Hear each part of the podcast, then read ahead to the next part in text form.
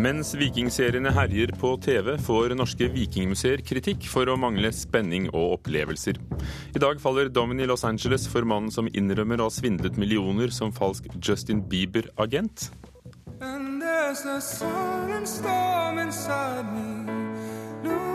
For a home, I hope that someone's find Carl Espen er manges favoritt til årets Melodi Grand Prix. NRK er fornøyd, på tross av sviktende billettsalg og ukjente artister i helgens delfinaler. Og dette er blant sakene i Kulturnytt i Nyhetsmorgen med Ugo Fermariello i studio. Norske vikingmuseer får kritikk for å mangle spenning og opplevelser. Lars Ueland Kobro ved Telemarkforskning mener den store interessen for vikinger, som viser seg i flere fjernsynsserier og økt besøk ved museene, må få museene til å tenke nytt. De kom fra nord og satte sine spor over hele verden. Nå er de tilbake i årets nye reality-konkurranse. Reality-serien Den siste viking, der deltakerne skal leve som ekte vikinger, går nå på TV Norge. Og i høst sendte TV 2 Sebra den amerikanske TV-serien Vikings. Shoot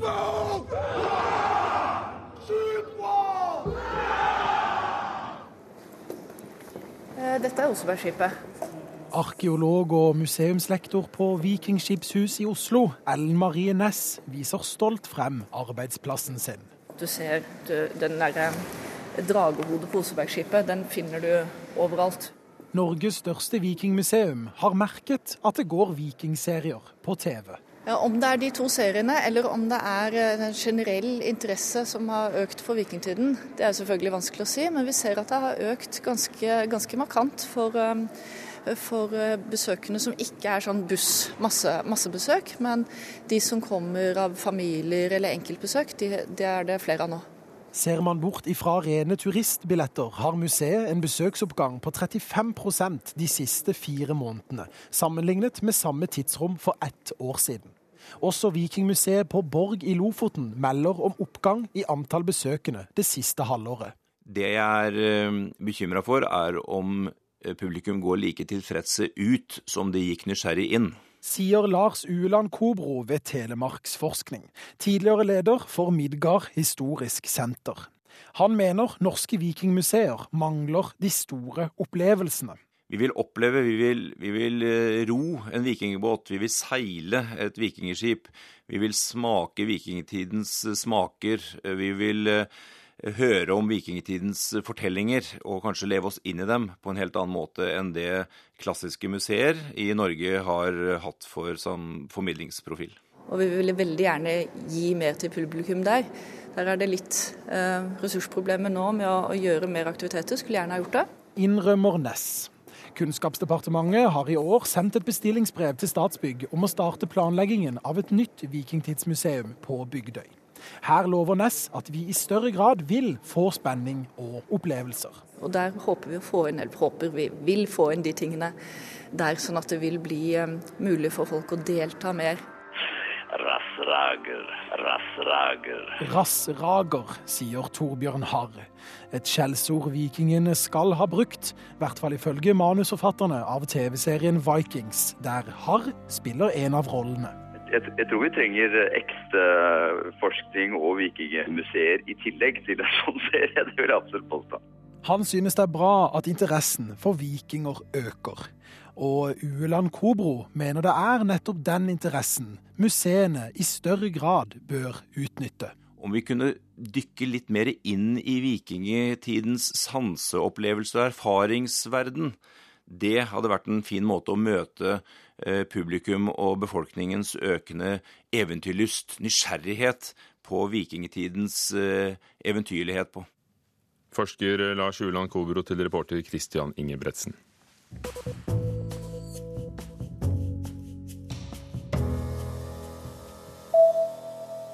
Blodige krigere i det gamle Hellas ble helgens kinovinnere. 300 Rise of an Empire var den mest sette filmen både i Norge og USA. Den første filmen om de 300 spartanske krigere kom i 2007. I helgen ble oppfølgeren sett av over 27 000 kinogjengere her til lands, mens den spilte inn 275 millioner kroner i USA. Internasjonalt ble 2013 det beste året noensinne for kjøp og salg av kunst. Det samlede auksjonssalget var på over 70 milliarder norske kroner i fjor, skriver Dagens Næringsliv. Særlig øker salget på internasjonale kunstmesser. Ifølge en fersk rapport fra Arts Economics foregår en tredjedel av kunsthandelen nettopp på kunstmessene.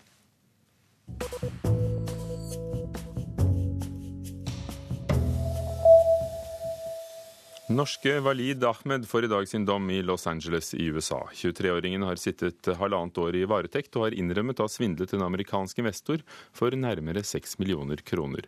Ahmed utga seg for å ha rettighetene til popidolet Justin Biebers konserter i Skandinavia, og det var ikke tilfellet.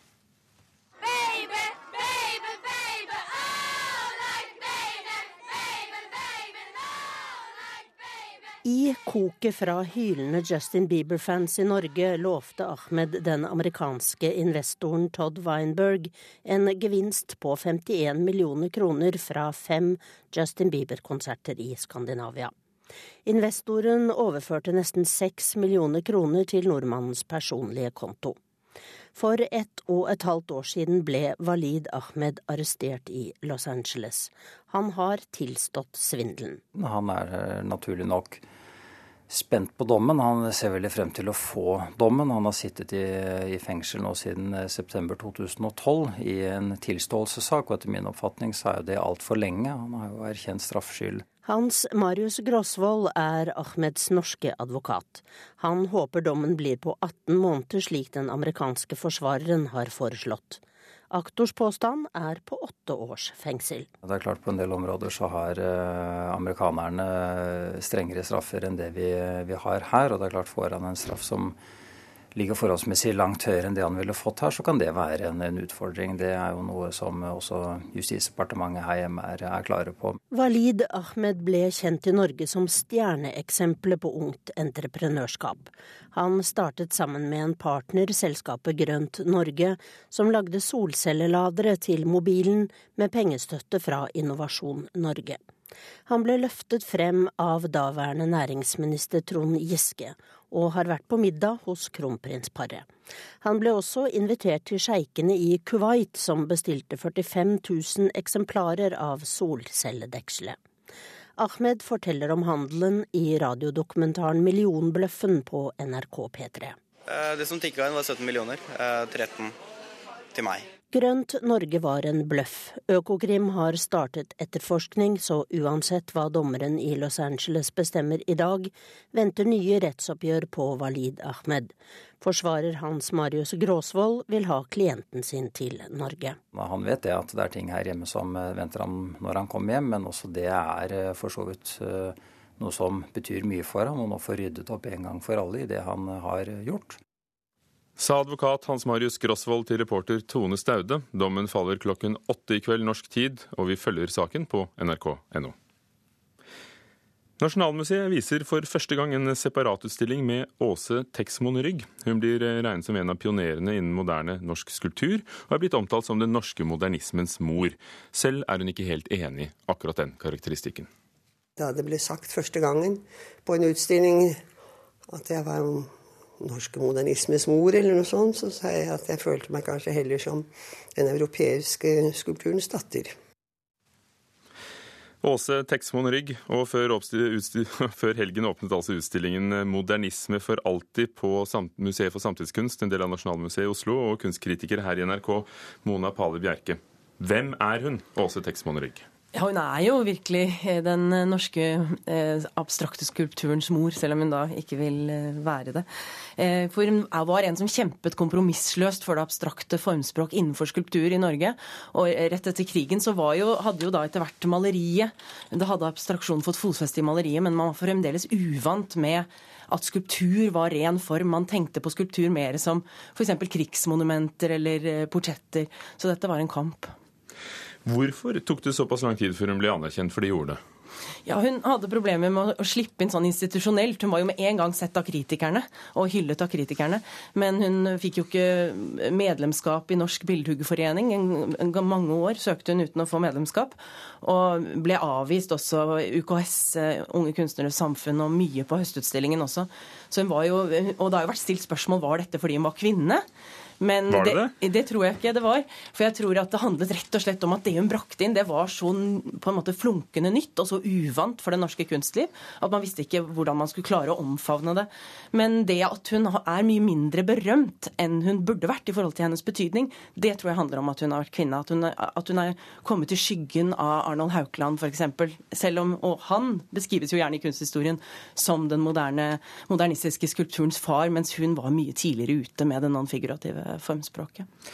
Hva er det hun lager? Altså, Hva viser de på Nasjonalmuseet når de har et tverrsnitt av kunsten hennes? Dette er et rikt innblikk i hennes kunstnerskap gjennom da seks tiår. Så vi kan vandre da fra hennes tidlige skulpturer som hun har laget på kjøkkenbenken hjemme, rett og slett fordi hun fikk jo ikke da medlemskap i Norsk Billedhuggerforening før senere, og dermed så var hun jo henvist til å jobbe med få midler, for da fikk hun jo heller ikke offentlig oppdrag på mange år. Så der, der får vi innblikk i hvordan hun da langsomt løsriver seg fra en, et figurativt utgangspunkt, ikke så veldig figurativt, men hvor hun begynner med menneskekroppen og henter ut ikke det anatomiske, men linjespill, rytmer og bevegelse, og er veldig opptatt av dans.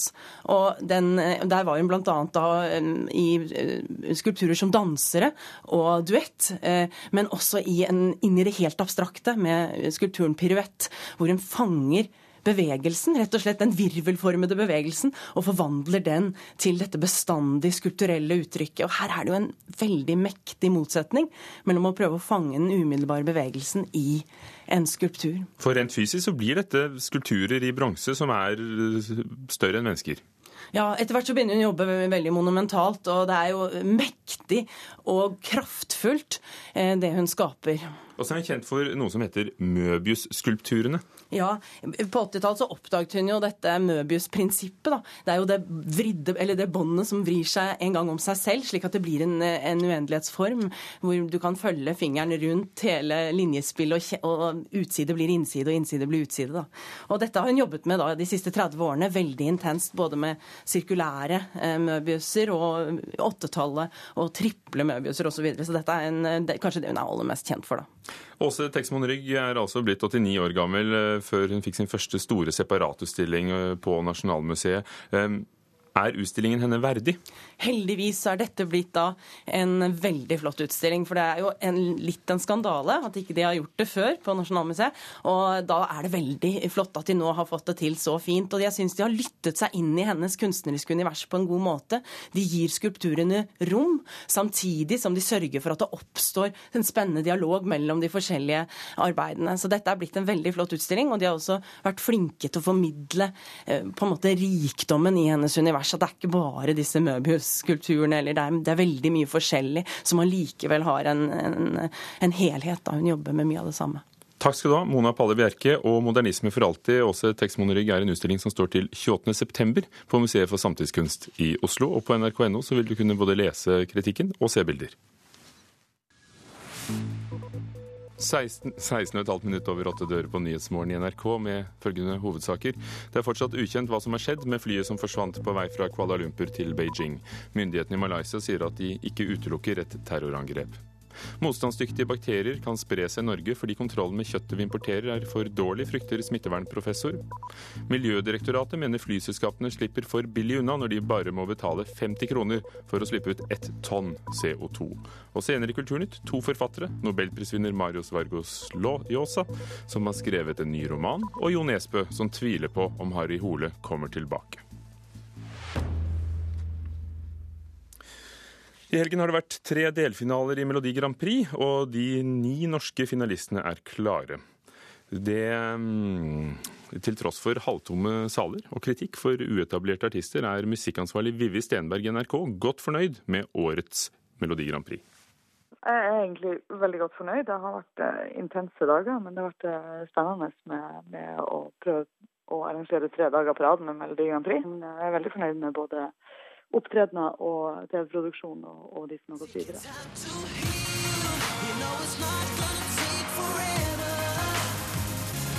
Artisten Mo var den som fikk flest stemmer under fredagens delfinale og sikret seg en plass i finalen i Oslo Spektrum neste helg. I år har alle delfinalene vært i Folketeatret i Oslo, og ikke rundt om i landet som tidligere. Vi ønsket å fornye oss, sier Vivi Stenberg. Vi hadde laga Grand Prix på en og samme måte i åtte år, og åtte år er lang tid både i TV-verden TV og i musikkverden. Så, så, det føltes som at det var på, på tide å gjøre noe nytt. Vi valgte Oslo eh, av ulike grunner, men, eh, men, det var spennende å prøve å, å lage en slags MGP-festival eh, som skulle gå på, på NRK1. da. Det har ikke vært like stor publikumsoppslutning under delfinalene i år. Selvfølgelig var vi klar over at tre dager på rad i Oslo, der det skjer veldig mye andre ting, så, så er det en utfordring å skulle, skulle selge ut et stort uh, teater. På lørdag var Oda og Wolf en av artistene som gikk videre. Under årets konkurranse er det flere ukjente og uetablerte artister enn tidligere. Kommentator i VG Stein Østbø mener det er synd at de etablerte artistene er borte. Det er jo samme visdom for eh, kun et par uker siden var veldig fornøyd med at vi har fokusert på, på mye ungt talent. Vi har både etablert og unge artister, men eh, det som har vært viktig for, for meg som musikkansvarlig, er jo at det skal være en så eh, altså, å ha et utvalg av så relevante låter som mulig. Head to toe. Under den siste delfinalen i går kveld fikk Carl Espen Torbjørnsen, som aldri før har stått på en scene, flest stemmer. Han er av mange dratt frem som storfavoritt til å representere Norge i den europeiske finalen i København i mai. But the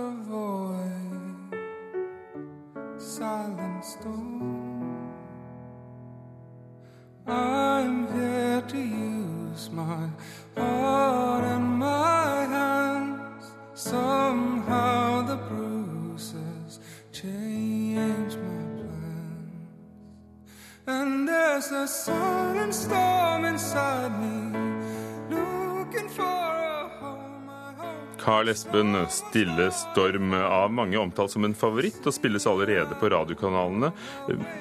Melodi Grand Prix-ekspert, forfatter og entusiast Inge Solmo, hva synes du om denne balladen?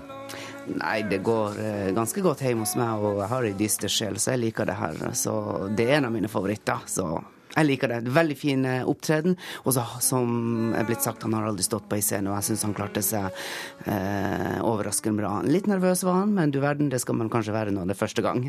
Videopresentasjonen av han skilte seg ut fra alle de andre. Han ble presentert nesten som en sånn Susan Boyle-fenomen som eh, aldri hadde sunget, og plutselig står han der og, og leverer varene. Um, det, har du inntrykk av at han lanseres spesielt som en vinner? Det er vel kanskje ikke bare i Norge, det er vel gjerne på, eh, på den europeiske nivå også. Man selger inn, og gjennom bettingselskapene så selger man inn ofte en vinner. Det samme gjorde man i fjor med Danmark, som var en eh, tåpelig, uh, platt melodi. Og at vi faktisk skal til København, syns jeg er jo en tragedie i seg sjøl, men det er nå en annen sak. Men vi selger inn ofte vinnerne litt på forhånd, og så eh, blir de andre artistene Ikke det at de ikke får sin omtale, men det er da ofte enkelte låter, og spesielt én låt, om det er på den europeiske eller den norske så blir de litt solgt. Er det arrangørene som står bak det, da? Det er vel kanskje ikke det er vanskelig å si, for jeg kjenner ikke utvelgelsesprosessene helt til. Jeg skjønner jo, det sitter jo de som var i TV-ruta og eh, ga sine vurderinger etter hver sang. De har jo eh, gjerne kanskje lagt føringer på at de skal ha, plukke ut noe som blir, eh, som de kan kjenne til, blir definert som en sterk deltaker og har sterkeste kortet på handa. Etter flere år med delfinaler rundt omkring i landet, så er det nye at det ble lagt alt til Oslo, og, og det var en annet utvalg av artister. Hva synes synes du om eh, årets delfinaler? Jeg syns faktisk det var fint, og det jeg savner det, Nå er det bare orkesteret som mangler, for at uh, det var veldig fint, intimt. Man fikk en veldig flott nærkontakt med artistene og programlederne, som jeg syns gjorde en fin jobb. Og Jenny Skavlan er jo bare flott, og Solbakken er nå som en Solbakken. Det, han er nå morsom, han også, da. Men jeg syns det var veldig fint, for det ble intimt. Du fikk en bedre nærkontakt med artistene. Og som sagt, jeg mener det er bare orkesteret som mangler, selv om man ikke per dags dato får ta det med seg til den europeiske finalen. Men jeg syns et orkester kan gjøre seg, og en sånn her låt hadde jo heva seg enda mer betraktelig med et levende orkester. Om ikke et fullt kringkastingsorkester, men kanskje et lite husband. Dagbladets kritiker Anders Grønneberg mener det var de svakeste artistene som gikk videre på lørdag. Det var lørdagen han skrev om da, beskrevet som dukkesang og Donald Duck-vokal. Hvordan vurderer du det?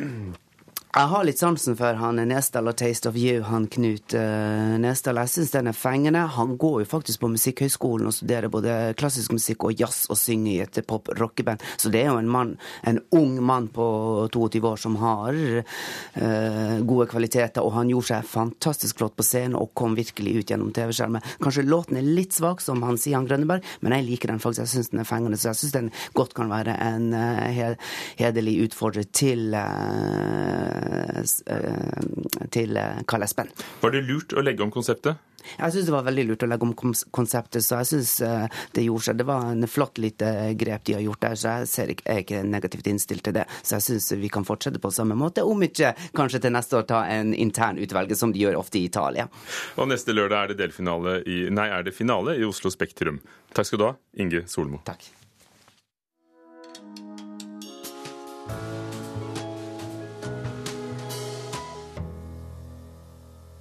Dersom Mario Vargas Llosa ikke var blitt slått på målstreken av Fujimori under valgkampen i 1990, hadde Peru fått en eh, forfatter til president. Og verden hadde vært en forfatter fattigere, fordi han hadde sluttet å skrive, og han ville neppe fått nobelprisen i litteratur. Men Llosa tapte valget og skriver som aldri før. Nå er fjorårets roman kommet på norsk, 'En diskré helt', som vår kritiker Marta Norheim har lest. Det er de gamle som er eldst i denne romanen, som er full av forviklinger og dulgte handlinger, hemmelige kjærleiksforhold på tvers av etniske grupper, klasse- og slektsgrenser, osv. Kort sagt, dette er en umiskjennelig Vargas Llosa-roman, sjøl om det samfunnskritiske ikke er så tydelig som det av og til har vært før. Men altså, de gamle. Du har han som starta med to tomme hender, og som nå eier et transportfirma. Men kan han stole på at sønnene vil greie å drive firmaet via det? Kan han stole på at sønnene virkelig er hans? Og kan han stole på kona si og på elskerinna si? Han bør ikke være for trygg. Og en dag får han et utpressingsbrev fra mafiaen signert med ei teikning av en edderkopp. Mafiaen kan en iallfall ikke stole på. Han går til politiet, men kan han stole på politiet? Ville du ha stolt på en politisjef alle finner det naturlig å kalle for Kilefitta? Samstundes i Lima. En rik industrieier og enkemann vil gifte seg med ei fra tjenerskapen, men vil sønnene tillate at han gifter seg att og skusler vekk det de mener de har rett til å arve? Gjett. Langsomt og på forunderlig vis fletter disse to historiene seg sammen, og en må bare beundre Vargas Llosa, som greier å lage en vital og spennende roman der gjennomgangstemaet er klager over den låge moralske standarden hjå ungdommen. Kanskje det går så bra fordi det også finnes andre tråder i veven. Én ting er spenninga rundt mafiaen og den nokså tilfeldige etterforskinga politiet setter i gang. En annen er heltens tørst etter å finne ut hva som egentlig skjer, og hvordan ting henger sammen. Det viser seg nemlig at eh, noen små livsløgner kan gjøre livet enklere å leve, og at den som ønsker å være lykkelig, ikke bør grave for djupt, verken i fortid eller nåtid. Den prinsippfaste og ubestikkelige helten må betale en høg og uventa pris. Om det var verdt det, blir det opp til leseren å tenke over. Helten er som kjent diskré. Kritiker Marta Norheim om romanen 'En diskré helt' av Mario Vargas Llosa, oversatt fra spansk av Kari og Kjell Risvik. Hovedpersonen i Jo Nesbøs nye kriminalroman 'Sønnen', som kommer ut neste uke, har fått navnet Simon Kefas. Med tydelig referanse til Bibelen forteller Nesbø historien om en innsatt som soner andres dommer. Nesbø tror ikke det er spesielle forventninger til boken hans. Det er ingen som holder pusten og liksom venter på en ny eh, bok fra meg, enten Harry Hole-bok eller noen eh, annen bok. Det, det, er veldig ofte jeg får det spørsmålet liksom, hva med forventningspress og sånne ting. Jeg, jeg, vet ikke om det er så mye forventninger. Forventninger eller ikke, neste uke er Jo Nesbø aktuell med en ny fortelling. Den tolvte kriminalromanen i rekka. Men Harry Hole kan vi se langt etter. 'Sønnen' var en uh, idé som jeg kom opp med for uh, rundt tre år siden. Uh, jeg tror Jeg husker ikke helt klart, men jeg tror bakgrunnen var at eh, jeg hørte om noen som satt i fengsel og sonte en dom for eh, andre. Boka 'Sønnen' har fått undertittelen 'Skal derfra komme igjen og dømme levende og døde', og er proppa med bibelske referanser. Men det er ikke nytt i Jo Nesbø-sammenheng. Jeg har vel egentlig i veldig mange av bøkene brukt Bibelen som, eh, som en slags referanse. Som et, eh, som et speil på historien. Og det handler om at eh, det er så mange av oss, altså de aller fleste av oss, har et forhold til Bibelen og de historiene i Bibelen som gjør at du kan bruke det som en sånn felles referanse. NRK møter Jo Nesbø i Thailand, hvor han reiser hvert år for å klatre og skrive. Ja, Mindre krefter nå, ja. Her har krimforfatteren flere prosjekt på gang. I tillegg til 'Sønnen' skriver han nemlig på en trilogi.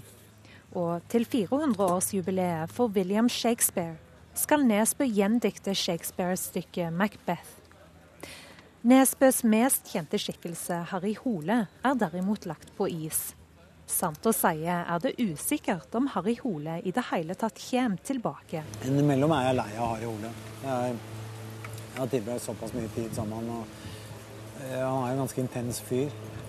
Akkurat nå tror jeg det er synd på, for både Harry og meg at vi tar en pause fra, fra hverandre på, på, noen år. Så får vi se om ikke våre veier krysses igjen. Men nå er det krimhelten Simon Kefas sin tur og Jo Nesbø håper sønnen og hans nye romanunivers faller i smak. Altså, det er veldig lett å tro som artist at uh, verden dreier seg om, om, deg og dine prosjekter. Eh, de gjør ikke det. Det er som veldig mange andre ting. Og så uh, er det av og til hyggelig å stikke frem huet og si at nå, nå har jeg en fortelling som jeg tror du kan like. Jo Nesbø til reporter Helga Tunheim.